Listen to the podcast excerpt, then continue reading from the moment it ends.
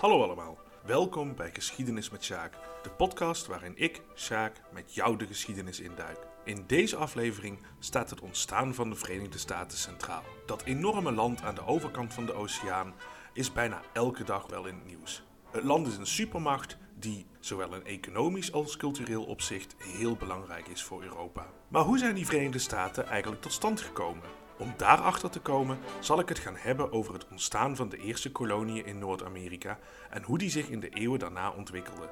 Ik zal de onafhankelijkheidsoorlog bespreken en ik zal een aantal mythes de revue laten passeren die ontstaan zijn rondom de Amerikaanse onafhankelijkheid. Maar laten we bij het begin beginnen. Op 12 oktober 1492 aan boord van het Spaanse schip de Santa Maria. De Santa Maria was een van de schepen waarmee Columbus vertrokken was uit Spanje op zoek naar een zeeroute naar Azië. Op 12 oktober 1492 landde hij op een van de Bahama-eilanden en ontdekte Amerika, zo leert de traditie ons althans. Inmiddels zijn de meeste mensen er wel over eens dat dat nogal een bouwde claim is. Sowieso woonden er al mensen in Amerika, dus Columbus ontdekte op zijn best de route naar Amerika. En daarnaast was hij zeker niet de eerste Europeaan die het continent bereikte. In de 11e eeuw bouwden vikingen een nederzetting op Newfoundland en wellicht hebben ze ook voet op het Amerikaanse vasteland gezet. Een andere theorie stelt dat Baskische walvisvaders al halverwege de 15e eeuw de wateren bij het huidige Canada bereikt zouden hebben en met de daar wonende mensen handel dreven. Hoe het ook mogen zijn, wat wel vaststaat is dat na de ontdekking van de route naar Amerika door Columbus al vrij snel de kolonisatie van deze voor Europeanen nieuwe wereld begon. Veel landen probeerden een deel van deze nieuwe wereld te claimen. Spanje, Frankrijk, Engeland, de Republiek der Zeven Verenigde Nederlanden, Zweden, allemaal hadden ze op een gegeven moment één of meerdere kolonies in Noord-Amerika. En allen aan de oostkust van de huidige Verenigde Staten en Canada. Het voor ons bekendste voorbeeld hiervan is waarschijnlijk de stad Nieuw-Amsterdam, waar later New York uit zou ontstaan. Het woord stad is hier trouwens wel erg optimistisch, er woonden eigenlijk nooit meer dan 2.500 mensen. Maar sporen van de aanwezigheid van de republiek kun je nog op veel plekken in New York zien. Bijvoorbeeld aan de vlag van de stad, die oranje-wit-blauw is, dezelfde kleuren als de prinsenvlag uit de republiek. Of aan de namen van sommige stadsdelen, zoals Brooklyn, dat een verbastering is van Breukelen. Nieuw-Amsterdam was trouwens zeker geen puur Nederlandse kolonie, maar een smeltkroes van mensen uit heel Europa met allerlei verschillende culturen, religies en sociale achtergronden. Dat blijkt bijvoorbeeld uit de naam Wall Street. Eén theorie stelt dat deze straat zo heette omdat het vernoemd was naar de omwalling waar die straat aan lag. Wallstraat, Wall Street. Anderen beweren echter dat de straatnaam oorspronkelijk Waalstraat was, omdat er in die straat veel Walen woonden. Waalstraat zou dan verbasterd zijn naar Wall Street. Een ander bekend verhaal uit deze tijd is dat van de Pilgrims, een groep protestanten uit Engeland die vonden dat de Engelse Anglikaanse kerk niet ver genoeg ging. Ze werden in Engeland niet vervolgd, maar er was weinig ruimte voor hun variant van het protestantisme. Pilgrims waren daarom op zoek naar een plek waar ze wel volgens hun regels konden leven en hun religie vrij konden uitoefenen. Er waren ook nog andere redenen waarom mensen de oversteek waagden, zoals bijvoorbeeld het zoeken naar politieke vrijheid. Mensen vluchtten bijvoorbeeld voor het absolutisme. Weer anderen kwamen simpelweg naar Amerika op zoek naar betere bestaansmogelijkheden. Die kolonisten namen een enorme gok. De oversteek aan zich was al gevaarlijk, maar ook het stichten van een kolonie was geen kattenpis. Voorraden konden opraken, mensen werden ziek, oogsten mislukten en er werd regelmatig oorlog gevoerd met de oorspronkelijke bewoners of met de Europese buren. Van de 144 inwoners van Jamestown, dat was de eerste Engelse kolonie in Noord-Amerika, stierven er 106 tijdens de eerste winter. En van de 6000 mensen die naar deze kolonie emigreerden tussen 1608 en 1624, overleefde maar iets meer dan de helft het. Rond 1700 waren de meeste kleine kolonies verdwenen en waren er eigenlijk nog drie grote spelers over in het gebied: Engeland, Frankrijk en Spanje. De Engelse kolonies lagen aan de kust, de Franse in het huidige Canada en midden van de tegenwoordige Verenigde Staten en de Spaanse gebieden in het zuiden. De Fransen en Spanjaarden hadden vergeleken met de Engelsen veel grotere gebieden in bezit. Nieuw-Frankrijk bijvoorbeeld strekte zich uit van Noord-Canada tot de Caribische Zee. Er woonden hier echter maar heel weinig Fransen, in 1650 waren het er totaal maar 700. De Fransen richtten zich dan ook meer op handel. De Engelsen waren meer bezig met daadwerkelijke immigratie. Binnen die Engelse kolonies waren er grote onderlinge verschillen. In de noordelijke gebieden lag de nadruk vooral op visserij, handel en nijverheid. In het midden, dat is dan ruwweg de huidige staten New York, New Jersey, Pennsylvania en Delaware, was de grond zeer vruchtbaar en dus erg geschikt qua landbouw. In deze kolonies heerste relatief gezien een grote religieuze verdraagzaamheid. Dat had een aantal oorzaken en één daarvan was dat in uitgerekend dit gebied de oude Nederlandse en Zweedse koloniën lagen. De bevolking van deze gebieden was zoals gezegd vaak zeer gemengd. Ook in het zuiden was de grond erg vruchtbaar. Sommige van de boerenbedrijven die zich daar vestigden, groeiden uiteindelijk uit tot enorme plantages. Deze plantagehouders vormden op den duur een soort aristocratie. En op deze plantages werkten vaak uit Afrika afkomstige tot slaafgemaakten. Al in 1619 waren de eerste Afrikanen aangekomen in de kolonies. Slavernij en de handel in tot slaafgemaakten werd daarna een normaal onderdeel van het dagelijks leven. Tussen 1620 en 1770 werden ongeveer 275.000 mensen als tot slaafgemaakten vanuit Afrika naar de koloniën gebracht. De aantallen slaven in sommige koloniën waren enorm. In Virginia bijvoorbeeld woonden in 1751 120.000 tot slaafgemaakten op een totale bevolking van 293.000 mensen. In South Carolina waren in 1756 zelfs bijna twee keer zoveel slaven als niet-slaven. Het is overigens een misverstand dat slavernij alleen in de zuidelijke koloniën voorkwam. In Maryland bijvoorbeeld was in 1710 bijna 15% van de bevolking een tot slaafgemaakte. En in 1703 had in de staat New York bijna de helft van de huishoudens één of meer slaven. Vlak voor de revolutie telden de kolonies in totaal 2,17 miljoen inwoners. Bijna 20% daarvan, dat zijn dus zo'n 400.000 personen, was zwart. En de overgrote meerderheid daarvan was tot slaafgemaakte. Maar goed, hoe komen we nou van die 13 kolonies bij de Verenigde Staten uit? Dat verhaal begint met de French and Indian War, die zou duren van 1754 tot 1763 en later onderdeel zou worden van de Zevenjarige Oorlog. Dat was een gigantisch Europees conflict dat werd uitgevochten over de hele wereld. In feite was het een soort wereldoorlog. De Engelsen en de Fransen die stonden hier samen met een heleboel andere landen tegenover elkaar en bevochten elkaar in Europa, Azië en ook in Noord-Amerika. De Fransen werden hierbij gesteund door een aantal groepen van oorspronkelijke bewoners. Die hulp was voor de Fransen noodzakelijk, omdat ze flink in de minderheid waren. Er waren in totaal ongeveer 60.000 Franse kolonisten en die stonden tegenover een kleine 2 miljoen Engelse kolonisten. Vanuit de oorspronkelijke bewoners bezien was het een logische keuze om de Fransen te steunen. Het groeiende aantal Engelse kolonisten zette de leefgebieden van de oorspronkelijke bewoners flink onder druk en dat had al een aantal keer tot conflicten geleid. Een opmerkelijke rol in het uitbreken van die oorlog trouwens, die is weggelegd voor een zekere plantagehouder uit Virginia die heel graag een aanstelling in het Britse leger wilde krijgen. Zijn naam George Washington. Washington werd geen officier in het Britse leger, maar hij mocht wel een militie uit Virginia aanvoeren. Hij kreeg de opdracht om een Frans leger in de gaten te houden dat een fort aan het bouwen was bij de rivier Ohio.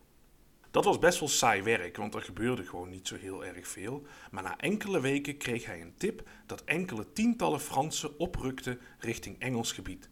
Washington besloot een hinderlaag te leggen en de Fransen op te wachten. Met enorm succes. Na een kwartier van schoten uitwisselen werden de Fransen teruggedrongen. Een makkelijke overwinning leek in de maak die het prestige van Washington flink zou doen stijgen.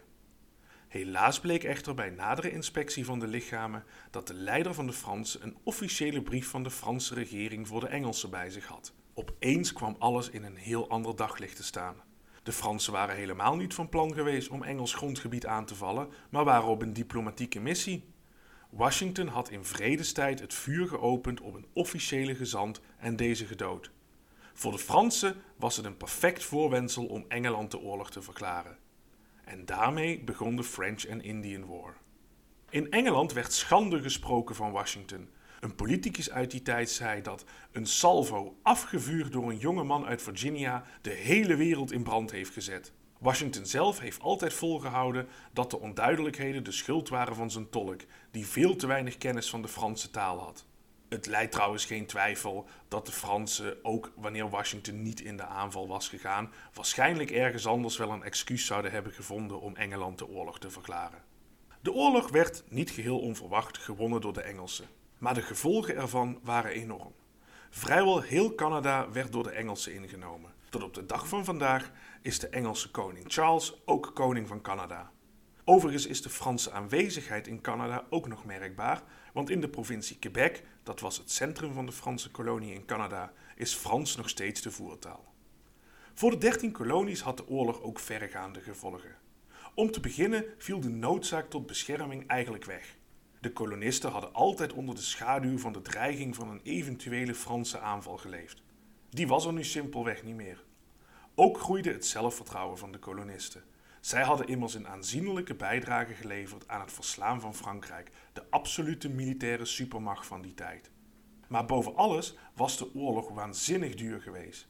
Engeland zat na afloop financieel volledig aan de grond. De staatsschuld was verdubbeld en de kosten voor het bestuur van de koloniën waren toegenomen van 70.000 pond in 1748 tot 350.000 pond in 1763. En die kosten waren deels blijvend, onder andere omdat de Engelse regering had besloten dat er een permanente troepenmacht van 10.000 man in Noord-Amerika gelegerd moest worden. Ten eerste om de voormalige Franse gebieden te beveiligen en ook voor het geval de Fransen zouden proberen om Canada te heroveren. Engeland had nog nooit belastingen geheven in de kolonies, maar ja, zo meenden velen in Londen, het was logisch en in het belang van de kolonisten zelf dat dit nu wel zou gaan gebeuren. En zo geschiedde. Nieuwe belastingen waren bijvoorbeeld importheffingen op suiker, glas en thee en belasting op elk stuk bedrukt papier, de zogenaamde Stamp Act. Voor veel kolonisten leek het echter alsof de Britse regering hen wilde uitknijpen. De oprichting van een permanent leger was in de ogen van sommigen bovendien een teken dat Londen de teugels steviger in handen wilde nemen in de kolonies.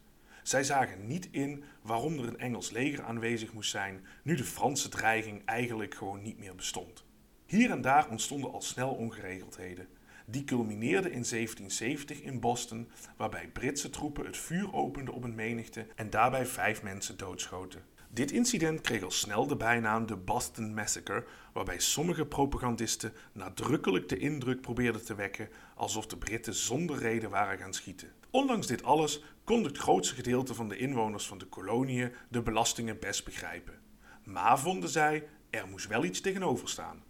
Het kon niet zo zijn dat de kolonisten belasting moesten betalen en dat dat geld gebruikt werd voor andere zaken dan die in de kolonies. En daarnaast wilden de kolonisten vertegenwoordigers in het Britse parlement krijgen om mee te kunnen beslissen. No taxation without representation werd het motto, een kreet die halverwege de 18e eeuw in Ierland was ontstaan. Langzaamaan ontstond er zo steeds verdere verwijdering tussen de kolonies en het moederland. Die kolonies zelf overigens, die discussieerden onderling ook heel heftig over wat te doen.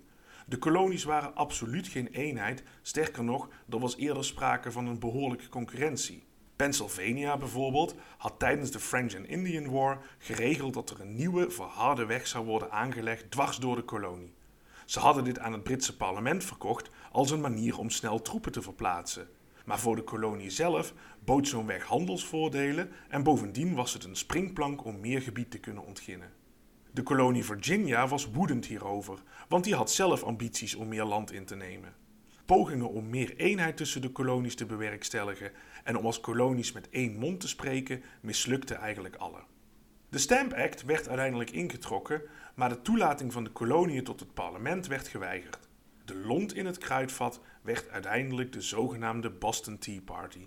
De Britse regering bepaalde dat alleen de British East India Company, Engelse equivalent van de VOC, nog thee mocht verkopen.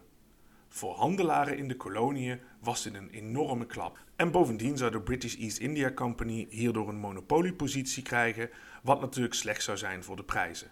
Een aantal kolonisten verkleden zich als oorspronkelijke bewoners, beslopen drie Britse schepen en gooiden de thee in de zee. De schade bedroeg omgerekend bijna een miljoen euro. In Londen was men de houding van de kolonies nu echt beu en reageerde men keihard. De kolonie Massachusetts moest haar zelfbestuur opgeven en de haven van Boston werd gesloten zolang de schade niet was betaald. Er kwam een permanente troepenmacht en daarnaast werd bepaald dat Britse onderdanen alleen in Engeland berecht konden worden. Dit alles had een averechts effect. In de kolonies kregen deze bepalingen de naam Intolerable Acts, de ondraaglijke wetten. De andere kolonies realiseerden zich dat elke kolonie op deze manier gestraft kon worden. De roep om onderlinge samenwerking werd hierdoor steeds groter. Het Continental Congress werd opgericht, waarin vertegenwoordigers uit alle kolonies bij elkaar kwamen om te praten over verzet tegen de Britten. Join or die werd de kreet, die op een poster werd weergegeven als een in stukken gehakte slang. De afzonderlijke stukken waren machteloos, maar samengevoegd vormden ze dus een gevaarlijke slang. Die poster was overigens al tijdens de French and Indian War in gebruik. De onderlinge verdeeldheid bleef desalniettemin groot.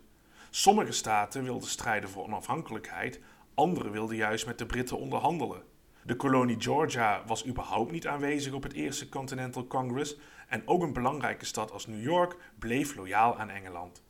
Ondertussen werd bekend dat in Groot-Brittannië de Quebec Act was aangenomen, waarin bepaald werd dat in de voormalige Franse gebieden in Canada het katholicisme niet werd verboden, maar juist een uitzonderingspositie kreeg, en dat in deze gebieden de Franse rechtsregels die zij van oudsher hanteerden mochten blijven worden gebruikt.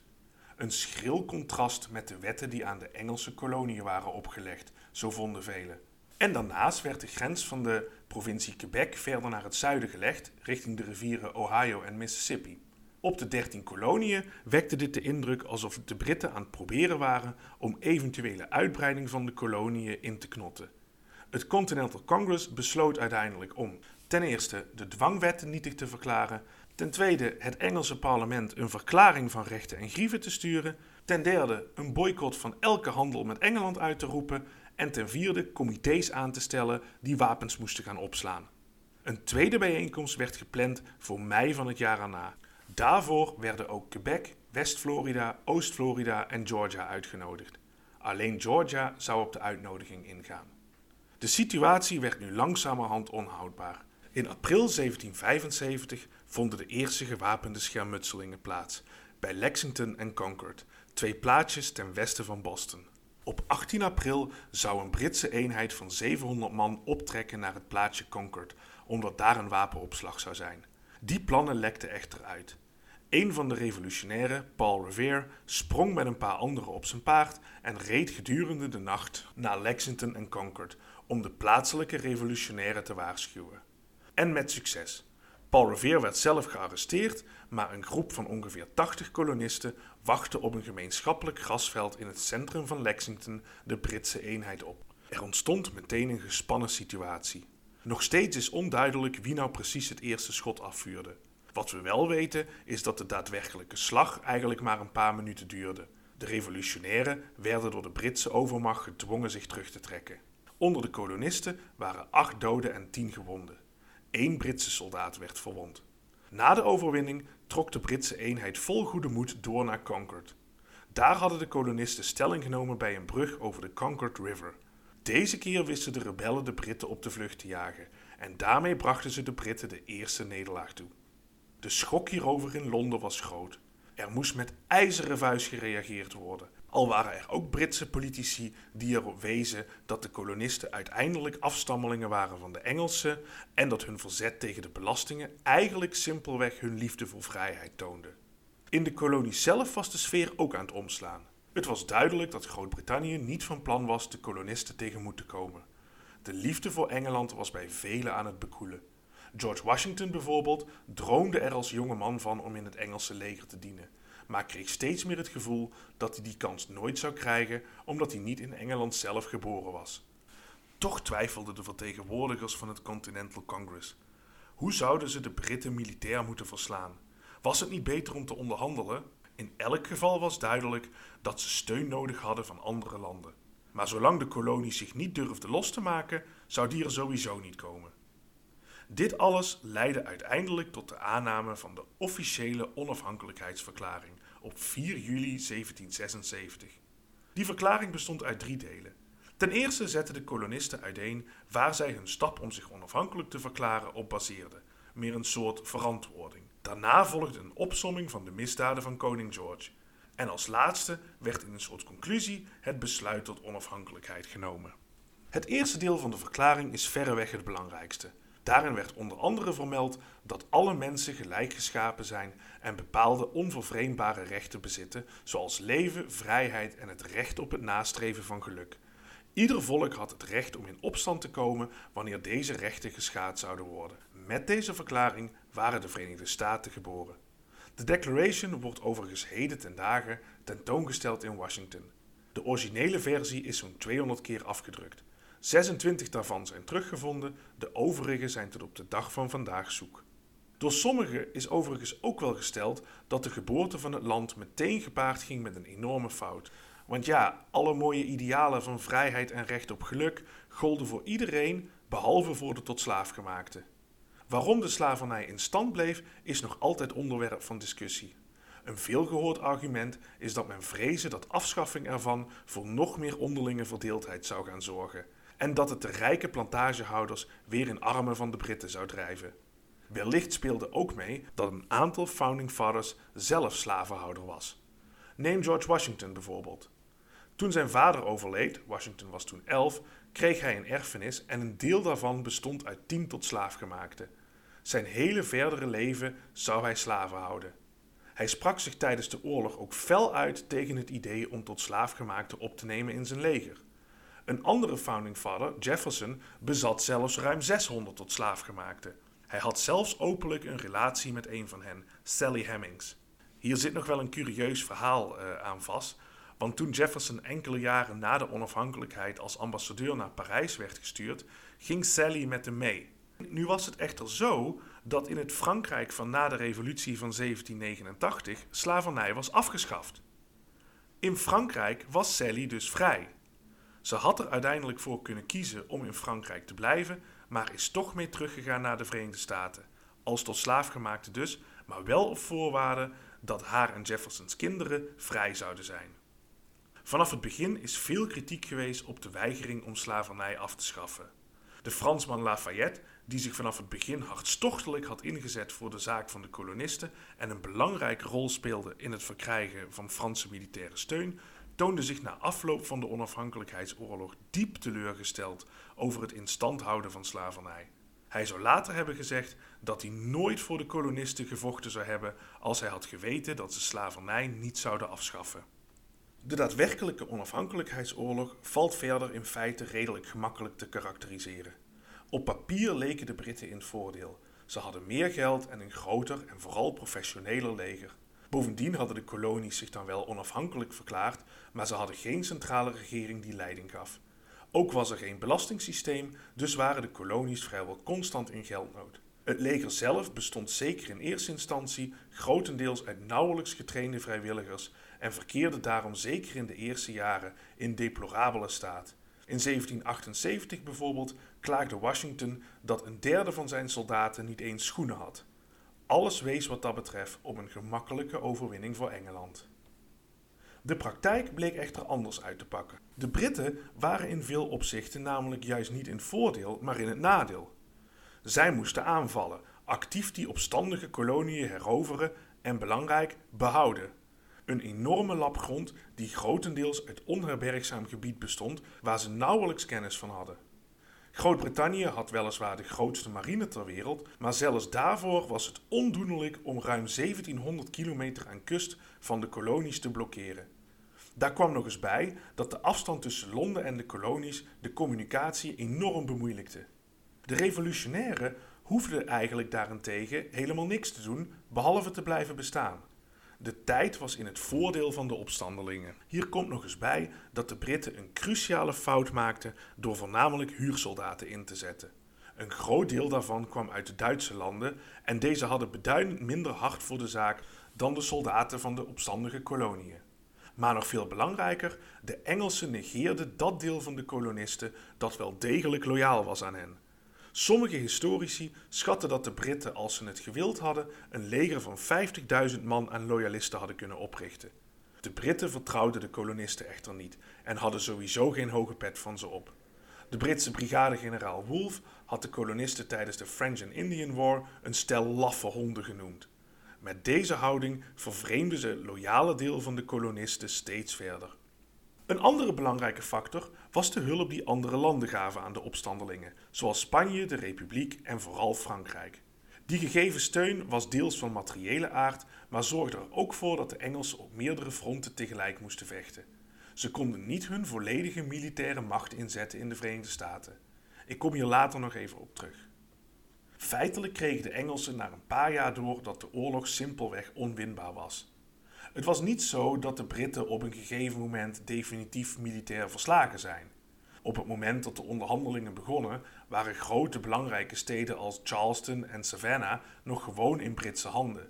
En in New York waren duizenden Britse soldaten gelegerd. Maar de kosten van de oorlog wogen simpelweg niet meer op tegen de baten.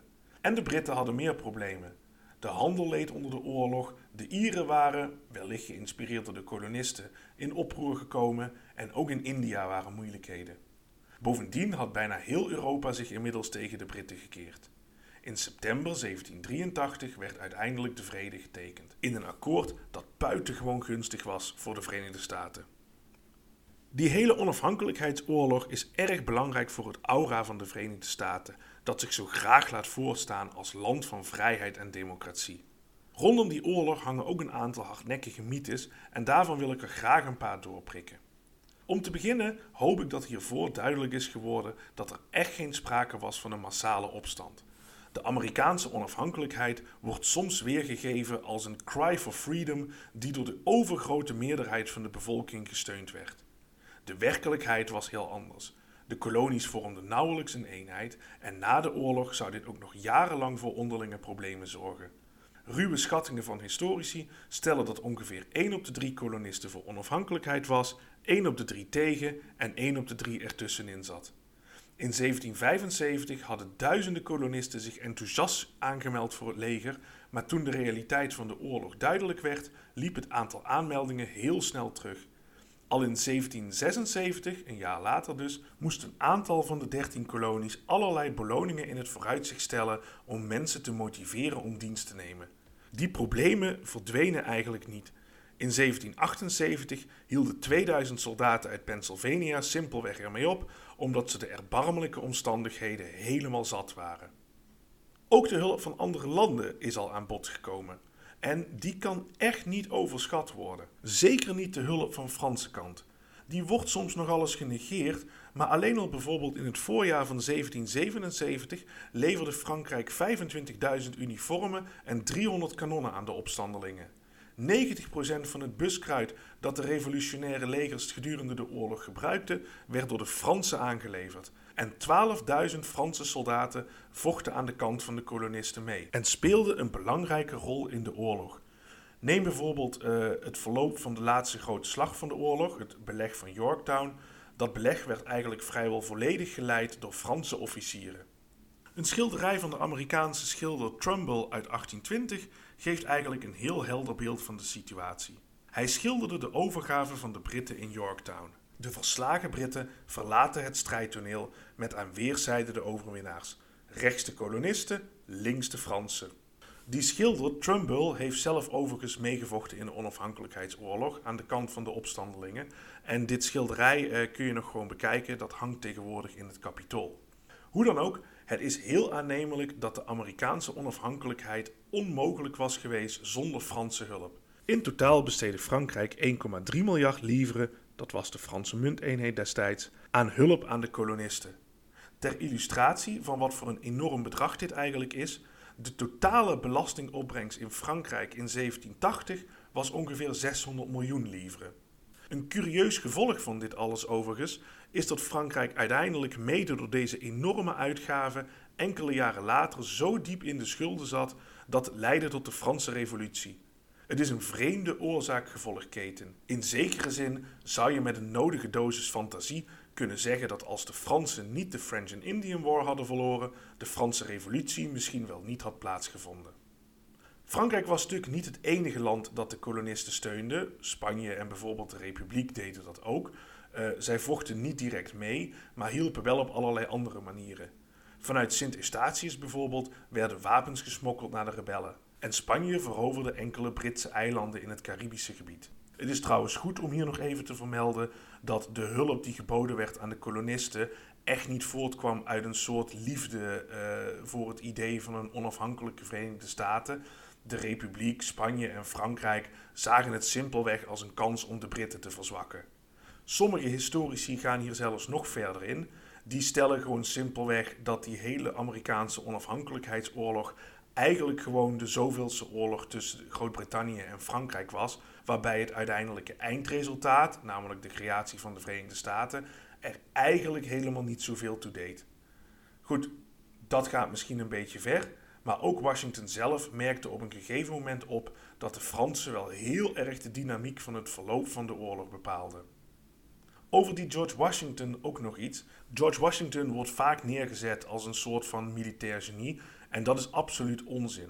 Washington was een treuzelaar en hij was tactisch ook bepaald niet sterk. Hij heeft in totaal meer veldslagen verloren dan gewonnen en meerdere malen heeft hij ontzettend lopen blunderen op het slagveld, dusdanig dat er zelfs een aantal keer gewoon stemmen zijn opgegaan om iemand anders tot opperbevelhebber te benoemen. Het is wat dat betreft wel tekenend dat tegen het einde van de oorlog de meeste belangrijke beslissingen genomen werden door de veel ervarenere Franse bevelhebbers, al werd dit natuurlijk in het openbaar geheim gehouden. Het gaat trouwens ook veel te ver om Washington als een mislukkeling neer te zetten, want dat was hij natuurlijk ook niet. Zolang hij geen reguliere veldslagen aanging, was hij best succesvol. En daarnaast is hij er toch maar in geslaagd om het leger bijeen te houden in soms waanzinnig moeilijke omstandigheden. Los van dat was hij voor velen een symbool van de opstand, een iconische figuur in dit alles. Goed, even los van al deze mythes, wat vaststaat is dat de kolonisten de oorlog gewoon gewonnen hebben. En daarmee zijn de Verenigde Staten geboren. Meteen daarna wachtte het land een heel andere uitdaging. Strijden voor onafhankelijkheid is natuurlijk één ding, maar een andere interessante vraag is wat ze daarna moesten gaan doen. Moesten die dertien afzonderlijke kolonies opgeheven worden? Moesten ze met z'n allen één land gaan vormen? Of moest elke kolonie afzonderlijk een land gaan vormen? En hoe zou dat hele land eigenlijk bestuurd moeten worden? Wat gingen ze doen met de stukken land die de Verenigde Staten had verworven met het tekenen van de vrede? Allemaal vragen die beantwoord moesten worden. Maar dat is iets voor een andere keer. Als je nou meer over dit onderwerp wilt lezen, dan kan ik je in elk geval het boek Lied der Revolutie van Russell Shorto aanbevelen. Hij beschrijft hierin de Amerikaanse onafhankelijkheidsstrijd vanuit het perspectief van zes totaal verschillende personen. Van George Washington tot een vrijgemaakte tot slaafgemaakte. Hierdoor krijg je een heel andere kijk op de gebeurtenissen dan die vaak gangbaar is. Ik heb voor deze podcast onder andere aan dit boek heel erg veel uh, gehad. Goed, daarmee zijn we aan het einde gekomen van deze aflevering. Heel veel dank voor het luisteren en vond je dit een leuke aflevering? Vergeet dan niet je te abonneren. Mocht je vragen of opmerkingen hebben of heb je zelf een suggestie voor een onderwerp, dan kun je een mailtje sturen naar geschiedenismetsjaak.outlook.com. Gewoon aan elkaar geschreven geschiedenismetsjaak.outlook.com. Voor nu, nogmaals dank voor het luisteren en tot een volgende keer.